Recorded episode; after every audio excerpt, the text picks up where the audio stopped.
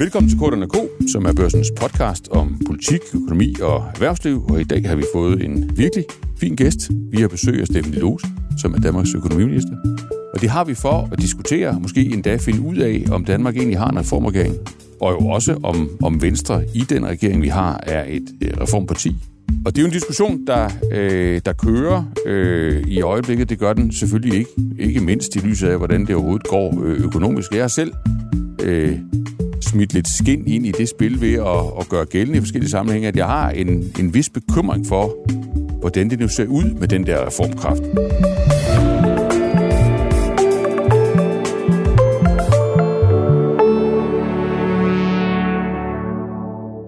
Jeg var jo her som chefredaktør på børsen meget, meget begejstret, for vi fik en uh, ny regering. Uh, det var i hvert fald ikke en reformregering, vi havde i sidste valgperiode, og nu fik vi en regering, som virkelig begrundede sin dannelse med reformer. Men spørgsmålet er jo så, hvordan det ser ud her øh, nogle måneder inde i, i forløbet. Øh, hvad har vi udsigt til, og, og hvad er der egentlig planer om? Og for at finde ud af det, så har vi inviteret en af dem, der sidder i, i maskinrummet. Så velkommen til dig, Stephanie. Mange tak for det. Og for at sørge for, at det ikke bare er mine øh, øh, tanker om den slags, og hvad, hvad der nu måtte være af forskellige fordomme inde i mig, som bidrager til at afklare spørgsmålet, så har jeg også fået en kollega med til at, at afvikle øh, podcasten, og det er vores politiske redaktør, Peter Søndergaard. Velkommen til dig, Peter. Mange tak. Så vi vil prøve at lave sådan et øh, prøve at lave sådan en en samtale, hvor vi hvor vi supplerer hinanden øh, og og prøver at få få Stefanie til at fortælle os øh, hvordan sagen stiller sig, men vi kan jo bare starte med det helt simple spørgsmål. Øh, det er en reformregering, vi har. Kommer den til at gennemføre hele sit regeringsgrundlag til punkt og prikke, Stefanie? Ja, det gør den. Regeringsgrundlaget er det, der er vores udgangspunkt for alt arbejde. Så er der selvfølgelig jo altså, en omverden og nogle politiske partier og interessenter osv., og, og det er jo ikke sådan en regering, der har lukket sig om sig selv og slet mm. ikke vil være med til at, at have folk til at hjælpe med at kvalificere og øh, skubbe og udfordre. Så, så øh, altså, når jeg svarer, øh, som jeg gør, så er det jo også for at sende det signal, ja, regeringsgrundlaget er vores udgangspunkt. Vi er en reformregering. Der er en række ting, vi øh, vil arbejde videre med. Men selvfølgelig inviterer vi til bred, øh, til forlig og aftaler og lytter til interessenter. Ja, men det, sådan, sådan bør det selvfølgelig også være. Men, men jeg tror, når, når jeg måske har haft en, en nervøsitet, øh, og det er ud fra det synspunkt, at jeg synes, det er en god idé at lave reformer, så er det vel også, så er det også en lille smule erfaringsbaseret på den måde, at, at, at man kan vel sige, at, at et er jo at, lave et regeringsgrundlag, og der står nogle helt konkrete ting, og så skal der selvfølgelig være en, en åbenhed over for, hvordan man, man gør dem i praksis. Men det afgørende er vel ambitionsniveauet. Og der reformer jo mange ting, men når vi taler om, om, om det er meget, meget håndfaste, altså arbejdsudbudsreformer, øh, de her øh, mennesker, I vil skaffe ind i arbejdsstyrken, så står målene fuldstændig fast. Altså dem kommer I til at levere på.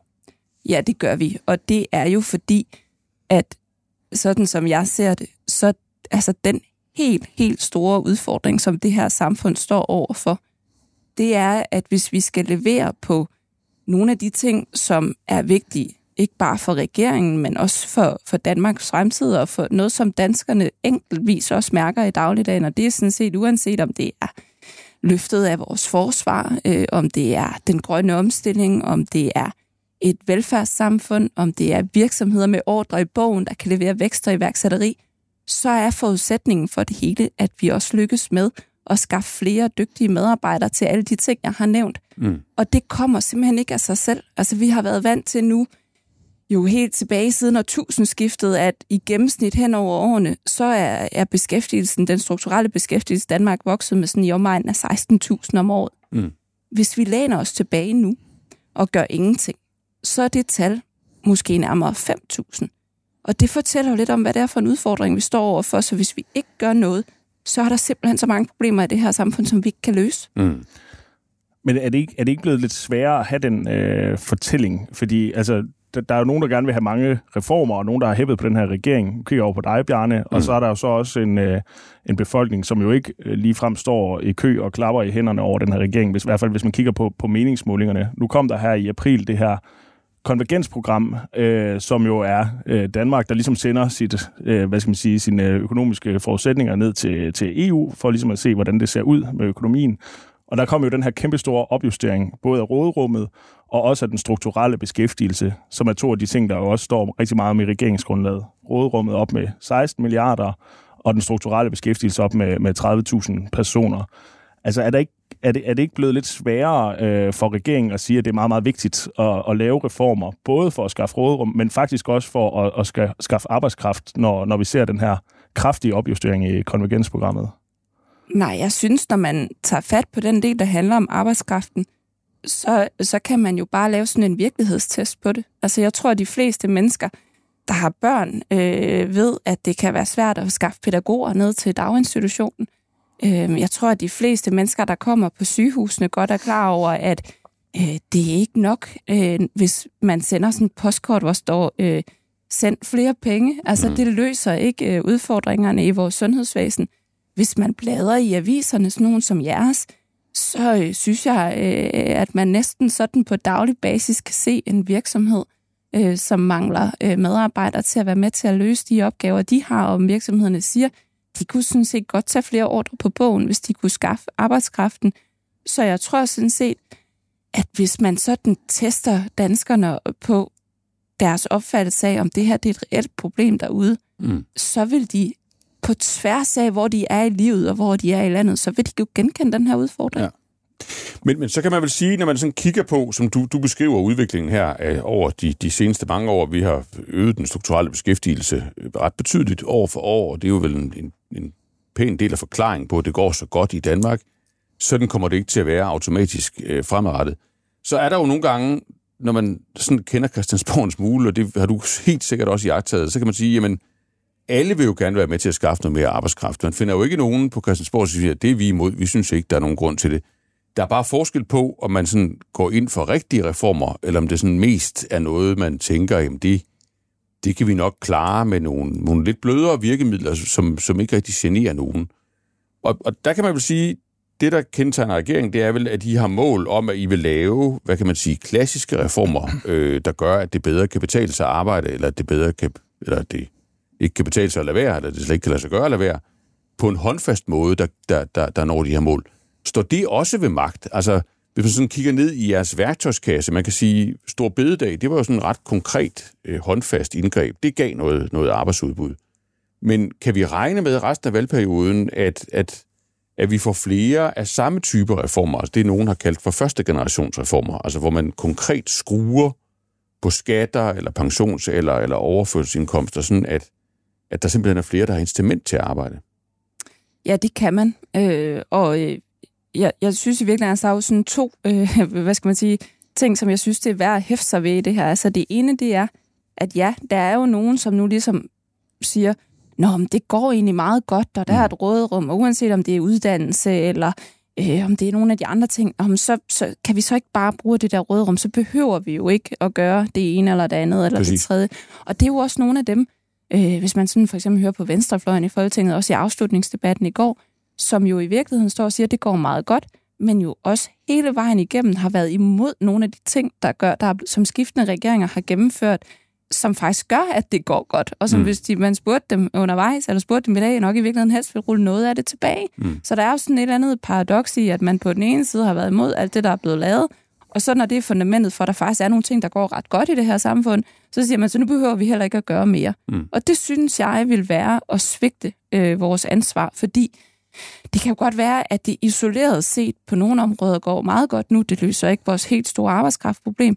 Men hvis vi ikke gør noget nu, så de generationer, der kommer til at tage over efter os, øh, bare når vi kommer ind i øh, 2030'erne, og vi er nået ind i hængekøjen mm. øh, på, set på de offentlige finanser, så kan, vil de jo ikke på samme måde kunne sige tilbage og at der har faktisk været skiftende regeringer, som har truffet kloge modige beslutninger, der gør, at Danmark står et godt sted. Mm. Altså, vi har jo ikke kun en forpligtelse over for det samfund, vi er i nu.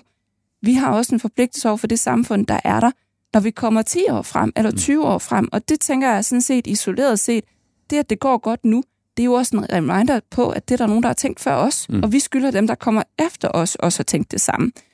Det synes jeg er den ene ting.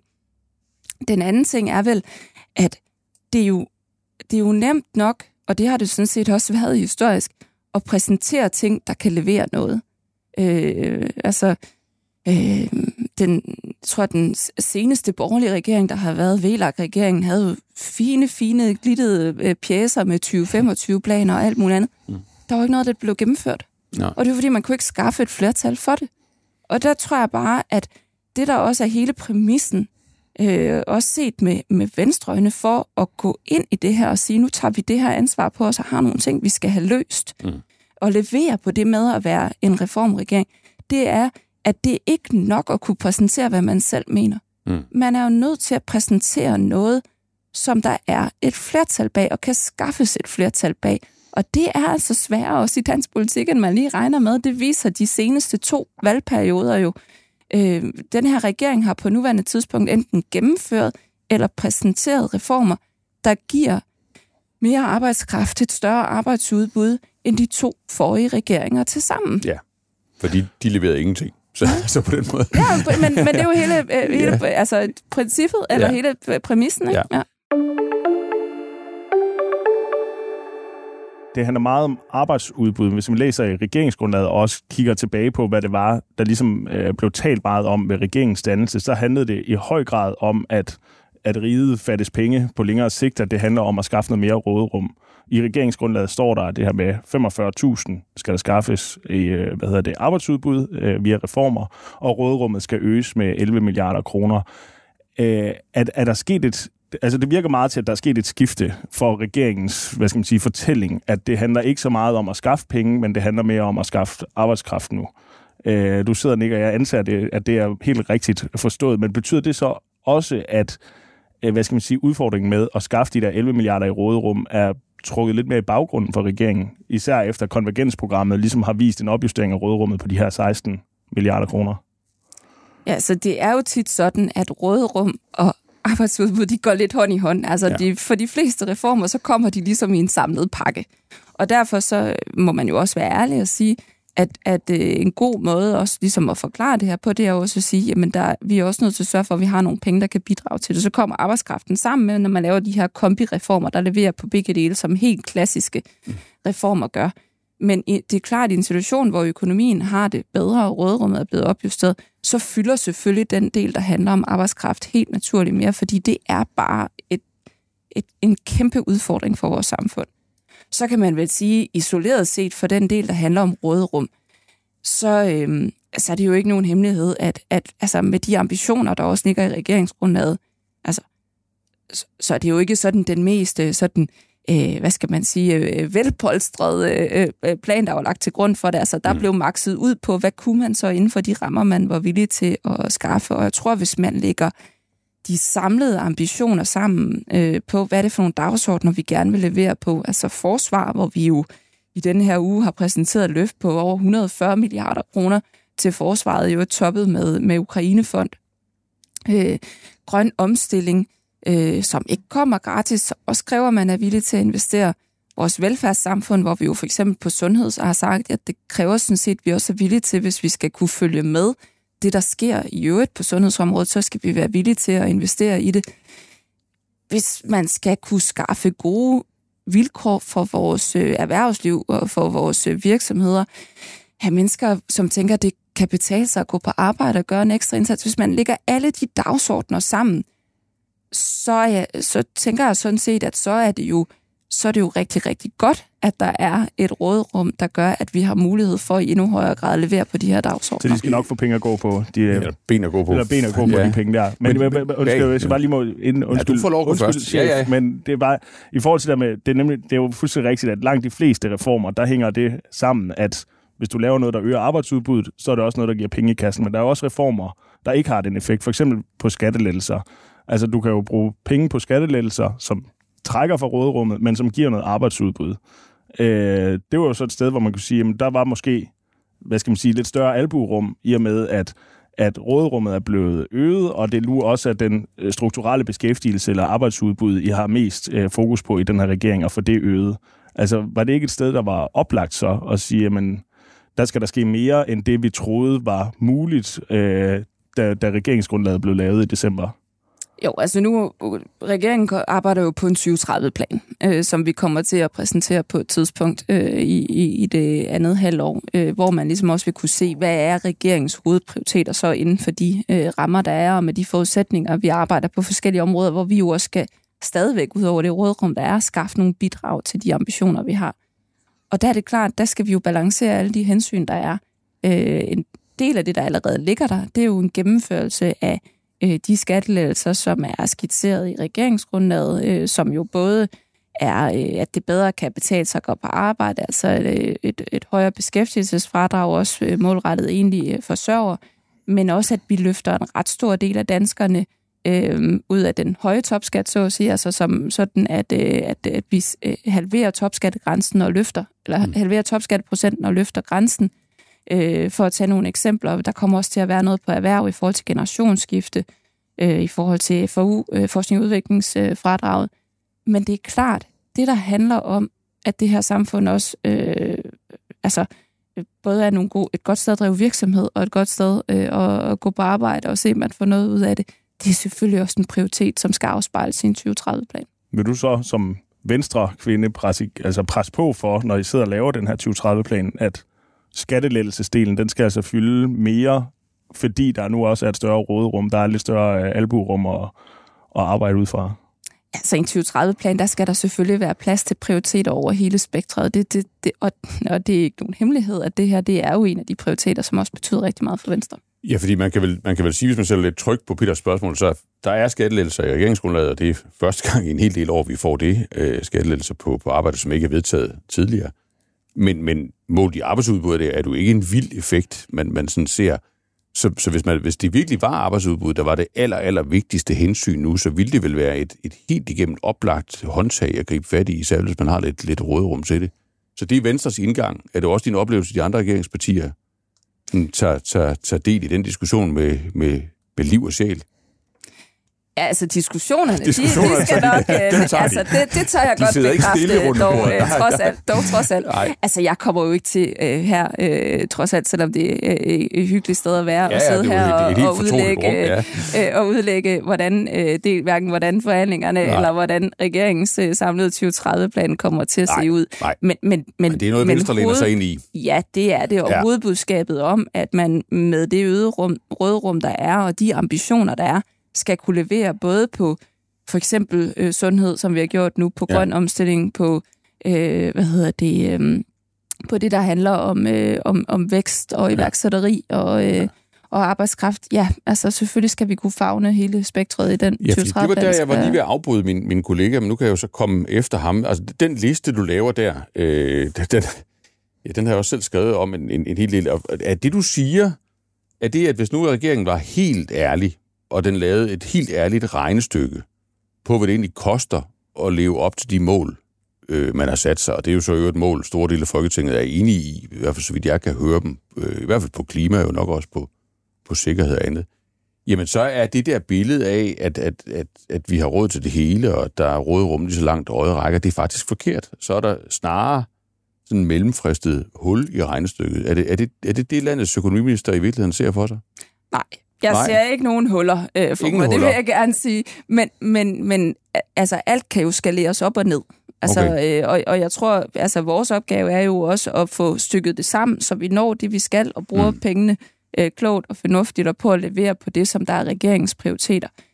Men, men det er alt andet lige nemmere at kunne levere på mm. alle prioriteterne op på tilfredsstillende vis, hvis rådrummet er større. Altså, ja, det, det er jo det ikke er nogen hemmelighed. Men der altså. er inden for rammerne af det rådrum, vi har, der kan I levere på klimamålene, I kan levere på sikkerheden, I kan levere på jeres vækstdagsorden, altså i øh, erhvervslivet, og I kan også levere på velfærden.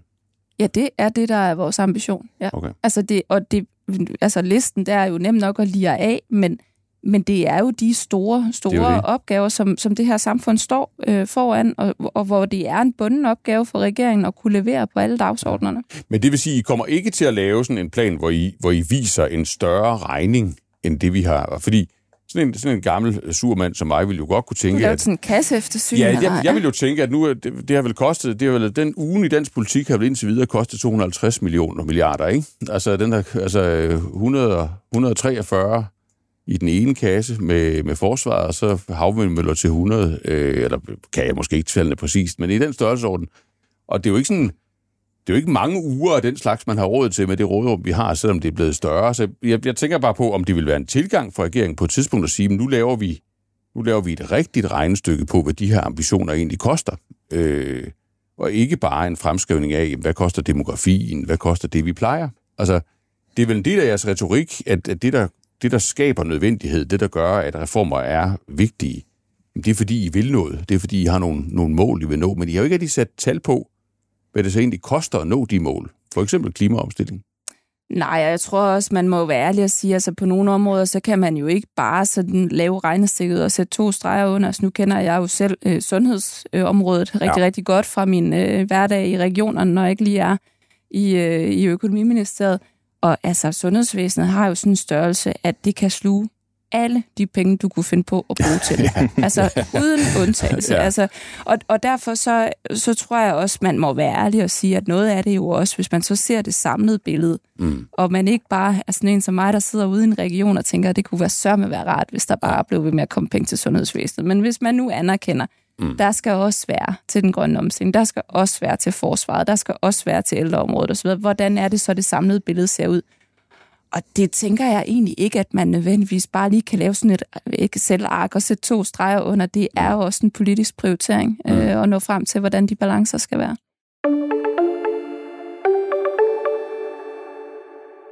Jeg tænker, at det kunne være en meget sjov øvelse at prøve at, at, ligesom at brainstorme på, hvordan man kunne bruge det der ekstra råderum, der er kommet i konvergensprogrammet. Nu har vi lige været lidt inde på skattelettelser. Det er helt klart den positive ja, også, to. Ja, det kan du det, godt høre. Det, ikke? Det, synes, det er jo så fedt, når der lige pludselig står 16 milliarder mere på bankkontoen, ikke? også? så skal ja. man finde ud af, hvad man skal bruge pengene på. Ja. Øh, modsat øh, Claus Hjort, der jo altid gik rundt og sagde, hvor skal pengene komme fra? Øh, altså, nu, vi er lige lidt inde på skattelettelser. Det lyder som om, at du vil gerne presse på for, at der kunne komme måske øh, squeezes lidt flere penge ud til det, når den her 2030-plan bliver lanceret på et tidspunkt efter sommerferien. I har, som du også lige selv har været inde på, fremlagt det her forsvarsudspil øh, i den her uge, øh, hvor man jo så ved hjælp af de penge, man ind, eller hvad skal man sige, øh, bidrager med via Ukrainefonden, kommer op på de her 2% af BNP øh, i 2023 og 2024 så rører man så under de 2% igen, inden man så rammer 2% i 2030. De mellemliggende år der, kunne man forestille sig, at man også siger, jamen nu har vi faktisk noget mere råderum. Det kan godt være, at der skal skaffes endnu flere penge via reformer, men nu har vi faktisk et råderum, der gør, at vi sådan set kan bidrage med 2% af BNP øh, i de mellemliggende år, altså fra 25 til 29, sådan at vi også der lever op til NATO's øh, krav. Hvad tænker du om det?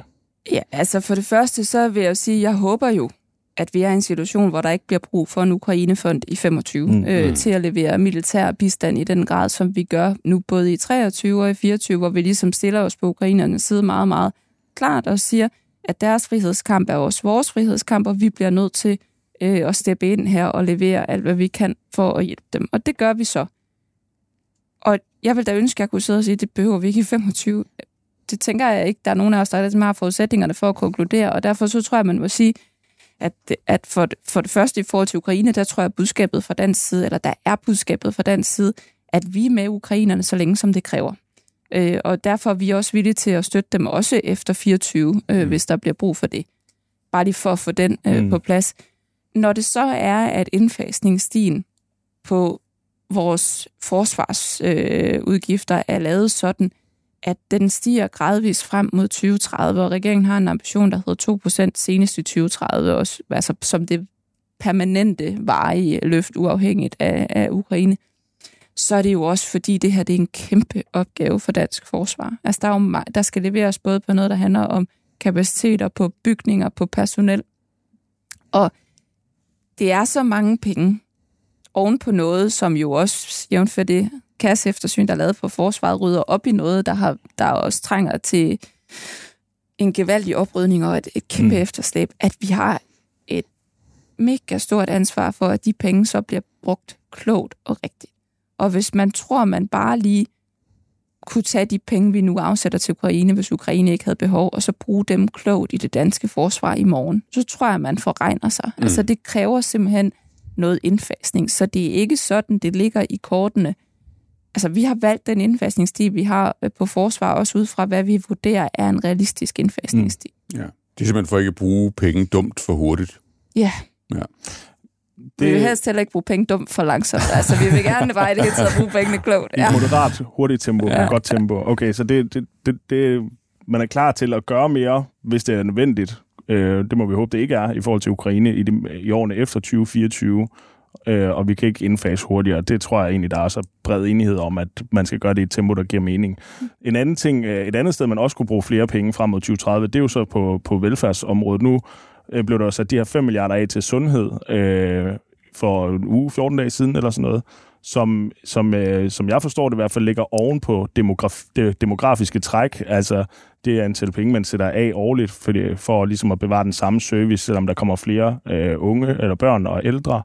Øh, er, der, er, er, er velfærdsområdet et sted, øh, der også skal bruge endnu, endnu flere penge end demografi og de her 5 milliarder til sundhed? Er det et sted, hvor man kan sige, her kan vi hurtigt få brugt det her ekstra råderum, vi har fået i forbindelse med konvergensprogrammet?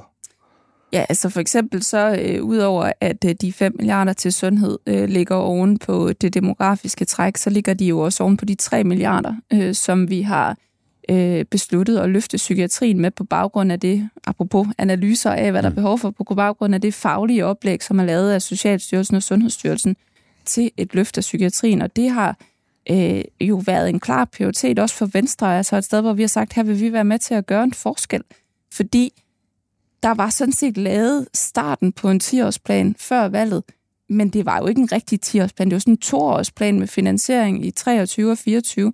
Og hvis man skal løse nogle af de massive udfordringer, der er i psykiatrien, så bliver man nødt til at lave en langsigtet plan, hvor man tegner billedet af, hvad er det for nogle bevillinger, der kommer, hvad er det for nogle prioriteringer, der er, så nogle af de mennesker, der er i psykiatrien, øh, som, som medarbejdere, så nogle af dem, der overvejer at søge psykiatrien som et sted at specialisere sig, at de også kan se perspektivet i, at det her det har en politisk bevågenhed, ligesom andre områder har haft det tidligere. Så psykiatri er en super, super vigtig prioritet. Og så er det klart, altså det tænker jeg jo alle tider også være vist, at der er jo konkrete ting, der kan løses på forskellige vis i, i, øh, på velfærdsområderne rundt omkring. Og det er regeringen synes set øh, åben over for at have fokus på uddannelse. Mm. Øh, erhvervsuddannelser for eksempel er jo, er jo et andet øh, eksempel. Men jeg tror også, her må man så lidt jo vende tilbage til den dagsorden, der også hedder, penge gør det jo ikke alene. Mm. Øh, og når vi øh, sætter penge af til sundhed, så er det jo også sådan et eksempel på, at de jo ikke til bare gør mere af det samme.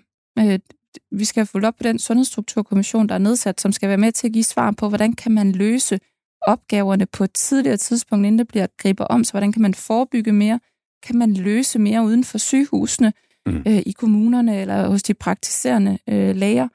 Øh, vi går i gang med et øh, kæmpestort øh, frisættelsesprojekt i forhold til den offentlige sektor, hvor vi også bliver nødt til at sige, at vi skal lykkes med noget, der giver borgerne noget mere frit valg, men samtidig gør det til et mere attraktivt sted at arbejde, hvor man har større indflydelse på sin egen dagligdag, og hvor man forhåbentlig også bruger pengene klogere, og de kommer til at række længere, så der både er økonomi og medarbejderperspektiv, og først og fremmest et borgerperspektiv i det.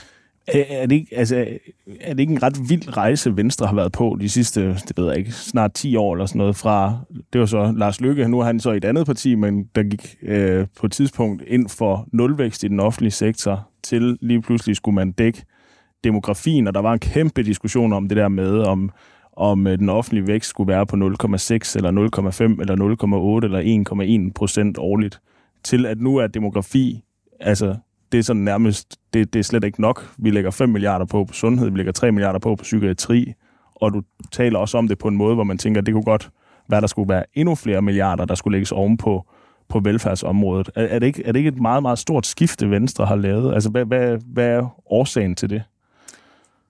Jeg ved ikke, om man kan sige, at det er et meget stort skifte. Altså hvis man går tilbage og kigger på de penge, der for eksempel blev prioriteret på sundhedsområdet i perioden fra 2001 øh, til 2009, øh, så er det jo et område, som blev prioriteret med kraftplaner, med hjertepakker, med investeringer i sygehuse, øh, med opgraderinger på en lang række områder, og langt ud over et demografisk træk, som vel nærmest på det tidspunkt var tæt på at være ikke eksisterende, mm. fordi det er jo nu her, det sådan for alvor slår ind. Så, så det der med villigheden til at prioritere nogle af de ting, som virkelig betyder noget for danskerne, som de mærker derude i dagligdagen, det er simpelthen ikke noget nyt for Venstre, men det er klart, det demografiske træk fylder jo noget andet i dag, når danskernes demografi ændrer sig, som det gør, når der bliver flere af den alder, hvor man potentielt skal på sygehuset eller i ældreplejen, og færre af den alder, hvor man kan være på arbejdsmarkedet. Det, der bare er helt centralt for os, det er, at det aldrig kan være sådan, at man kun, altså at man skal bruge enhver krone, man har, på noget, der handler om offentlige forbrugsudgifter. Altså, mm. at man tingene skal gå hånd i hånd, sådan at vi bliver ved med at sørge for, at vores erhvervsliv har nogle rammer, der gør, at de kan bidrage til, til vækst og velstand, være med til at betale noget af den regning, der er, at man øh, at det kan betale sig at arbejde, altså at helt almindelige mennesker får noget ud af at stå op om morgenen og gå på arbejde, sådan at det er en dagsorden, der bliver prioriteret, og det har også været vores forudsætning for at gå ind i det her, det er jo, at det skal gå hånd i hånd. Mm.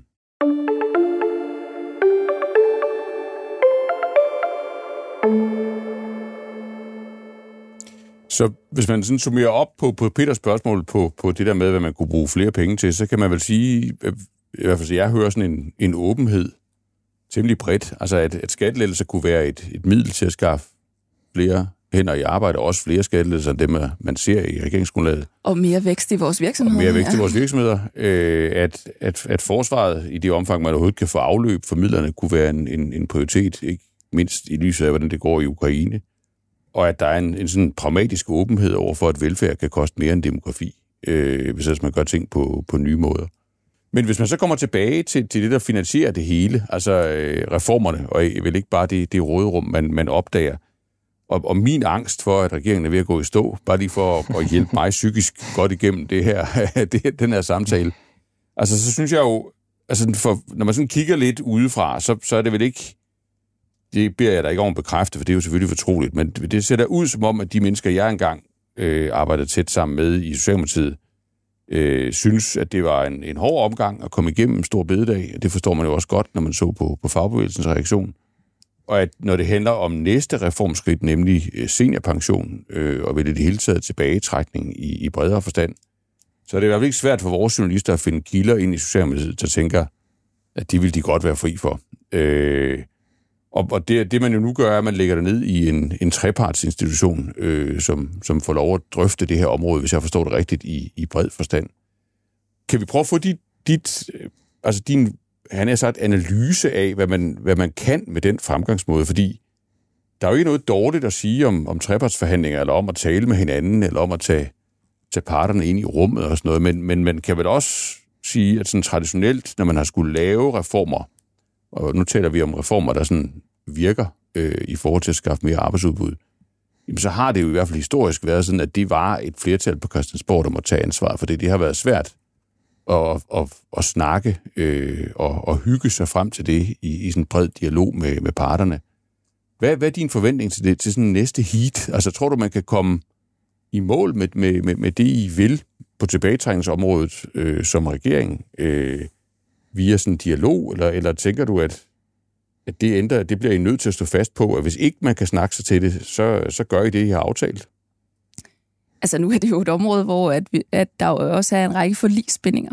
Ja, det er øh, og, og, og derfor så må man vel også sige, at øh, altså, regeringen har jo tænkt nogle tanker, og de står sådan set øh, ved magt, og der står også ved magt, at vi ønsker at realisere et arbejdsudbud ved at kigge på de her tilbagetrækningsordninger, øh, mm. fordi dem har vi så jo altså ret mange af ja. øh, på forskellige vis. Øh, det er efter gængse regneregler, øh, helt, helt klassisk. Ja, ja. Og, så, og så må man så sige, øh, så er der jo nogle partier, som, som har gjort det til sådan lidt øh, deres... Øh, øh, tilgang til tingene, at de, de reformer, regeringen præsenterer, apropos det her med at have flertal for tingene, mm. at det er lige præcis, altså lige meget om det så er stå bededag, eller om det er på uddannelsesområdet, eller om det er seniorpension, der er i hvert fald ikke noget af det, som regeringen ligesom øh, præsenterer, øh, som, øh, som man ligesom kan se sig selv i. Det er ikke lige de reformer. Altså, vi taler om partier som for eksempel øh, konservative og liberale alliance, som jo øh, har længe talt om øget arbejdsudbud og reformer, mm hvor man bare må konstatere, at det så er, ja, vi vil gerne have reformer, men ikke lige den, og ikke mm. lige den, og ikke lige den. Og det hjælper jo ikke noget, hvis man bare øh, kører ind i alt det, der rent faktisk kan, kunne potentielt skaffes et flertal for, men, men så, øh, så bare står herude og siger, at i mener vi noget andet. Altså, det, så kommer vi jo ikke videre, det og det er derfor, også... vi er gået ind i den her diskussion, og så har vi sagt, nu er der så ligesom nogen, der har øh, har, har sagt, det der regeringen har tænkt, det er vi ikke enige i, så har vi sådan sagt, jamen så bliver man nødt til også at tage en snak om det med arbejdsmarkedets parter. Og jeg er sådan set, øh, jeg, jeg tænker sådan set, at, at det, skal, det tror jeg sådan set godt, man kan få en god proces ud af, også fordi, øh, når man snakker med, altså hvis man kigger på, hvad det er, som nogle af, af de faglige organisationers øh, medlemmer står i derude, så er det jo social- og sundhedsassistenten, der mangler øh, kolleger. Det er øh, sygeplejersken, der mangler kolleger. Det er nogle af dem, der også er ude på de private øh, arbejdspladser, der mangler kolleger. Og det der med at få taget en diskussion om, hvordan skaffer vi så den arbejdskraft, og hvordan kan vi kigge på det her område på en god måde, tænker jeg sådan set også, de har en interesse i, og så må vi så se, hvordan den proces, den kan vi kunne ikke foruddiskontere øh, resultatet af den, og det vil heller ikke være fair, men, men vi er klar til at, øh, at gå ind i den i hvert fald med, ja. øh, med åbne øjne. Men man må vel alligevel sige, altså tag for eksempel landets største fagforening 3F, der, der siger formand jo, alt det, alle de der regneregler, som, som hele alt det, du laver til daglig, bygger på, øh, dit konvergensprogram og din økonomiske plan, han tror overhovedet ikke på dem. Øh, han mener slet ikke, det, det, det er rigtigt. Så, så selvom I, I måske har en god dialog, hvis det så ender med, jamen der er ikke vilje til at blive enige om, om, om, om den type redskaber, vi normalt taler om, når vi taler reformer i Danmark, så vil det være sådan for Venstre, at, at så står det, der står i regeringsgrundlaget, det er så det, vi i hvert fald kan regne med. Det vil sige, at der skal ske en, en samlet nettoforringelse af vilkårene for at trække sig tidligt tilbage i Danmark, sådan at vi får noget mere øh, arbejdsudbud på den konto. Ja, altså regeringsposition er jo den, der står i regeringsgrundlaget, ja. øh, og, og det er det, der er udgangspunktet. Og så som jeg sagde indledningsvis, vores ambitioner, de står til enhver tid til trone, og vi mm. kommer ikke til at stikke på ambitionen om at kunne levere på arbejdsudbud og kunne levere på reformer. Hvis der så er dialoger med øvrige partier, med mm. øh, interessenter osv., der gør, at der er nogle ting, der skal justeres på, for at det kan realiseres på en, på en måde, hvor folk de kan se sig selv i det, så er vi selvfølgelig åbne over for det. Altså, det er jo ikke sådan, vi står og siger, så findes der kun lige præcis én vej til Nej. at nå resultatet. Men at resultatet Men skal nås, den skal, det, den skal det nås. er det, der er det. Og I kan, I kan heller ikke købes. Altså, det, fordi det, vil, det er jo også vi kyniske mennesker, der sidder i pressen. Vi sidder og tænker, jamen, Venstre har vel mange prioriteter i sådan en regering. Et er, et er reformer og arbejdsudbud, men så er der også mange andre mærkesager, og, og der kan vel også være ting i sådan en regering, hvor man kan sige, jamen her her er et punkt, hvor Venstre har strakt sig langt, og hvor Venstre måske godt kunne have brug for en smule hjælp, på samme måde som Socialdemokratiet ønsker sig lidt hjælp, når det mm. gælder seniorpension. Men man kan ikke forestille sig, at man sådan sidder og, og handler ømme tær med hinanden i regeringen, sådan at... Altså, som jeg også sagde indledningsvis, så er regeringsgrundlaget jo udgangspunktet, og så er det klart, så er der en hverdag, og der er en omverden og alt mm. muligt, og derfor så, altså, man ville også være dum, øh, hvis man sådan du ved, binder sig fuldstændig til, at man ikke kan justere på ting og, og tilpasse sig ting.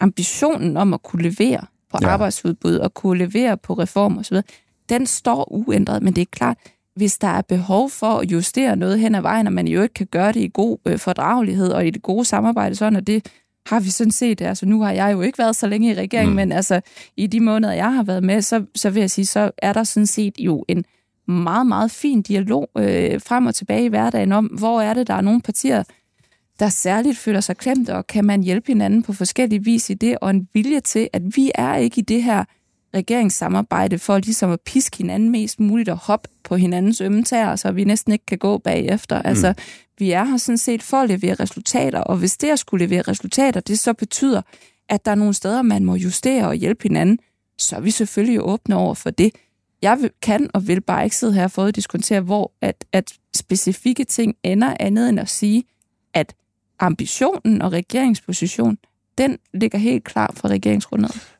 I øh, forhold til det her med tilbagetrækning, der, der er målet jo i regeringsgrundlaget, at den her forringelse af seniorpension skal give 2.500 i arbejdsudbud. Øh, er det en hegnspæl, man ligesom kan gå ind og sige i den her trepartsinstitution, I må finde ud af, hvordan det skal være, men I skal levere 2.500 i arbejdsudbud, punktum. Fordi at netop det her med mangel på arbejdskraft er det, som er øh, det helt altoverskyggende, den altoverskyggende udfordring for regeringen, eller det er det, I i hvert fald har sat jer som mål, at I vil forsøge at løse. Kunne det være en fremgangsmåde at sige, I finder selv ud af det, I skal bare finde 2.500 i arbejdsudbud? Mm. Ja, så nu, vi har jo sagt, at vi vil nedsætte den her permanente trepartsinstitution, netop fordi, at øh, arbejdskraft er øh, en helt oversk- alt overskyggende øh, udfordring for vores samfund. Og der har vi stadigvæk til gode at have nogle drøftelser også med parterne om, hvordan skal det præcis gribes an, og hvordan skal vi præcis gøre det, og respekt for os at give mulighed for at have den dialog. Mm. Øh, så, så tænker jeg ikke, at, at det bliver i dag, vi kommer til at lægge os fast på præcis, hvordan det kommer til at skulle fungere, men ambitionen om at sørge for, at der er en ramme for en dialog bredere med arbejdsmarkedets parter, også og mere end det, der ligger på tilbagetrækningsområdet. Den står jo fast. Mm. Men ikke noget med at sige, at det er det her, der skal leveres? Der er ikke sådan bundne opgaver. Altså, jeg tænker, det tænker jeg er for tidligt at sige. Mm. Altså, nu må vi, øh, vi tage den dialog, som, som ikke er kommet øh, øh, for alvor i gang endnu, og så tænker jeg, at vi finder ud af det sammen. Ja, men helt respekt. Det er bare, vi, vi andre, vi på skatteborgerne, vi prøver bare at forstå, hvad der kommer til at ske. Så, ja. så det er bare, hvis, hvis, hvis ikke der er en bunden opgave, og man så forestiller sig, at den ikke bliver løst, så løser regeringen den. Det er grundlæggende, det er jo en flertalsregering. Det er grundlæggende det, du siger. Ja, altså, øh, regeringen har en, en bundlinje, som handler om, at vi skal skaffe øh, dygtige medarbejdere, både til private øh, virksomheder og offentlige institutioner, øh, og den kommer vi til at forfølge. 45.000. Ja. Den kommer I til at levere. Ja. Jamen, det er da et godt sted at slutte, synes du ikke, Peter Søndergaard? Det synes jeg bestemt. Tusind tak, Stefanie Lose, for en Ja, tour de force tak. igennem øh, reformpolitikken. Så tak.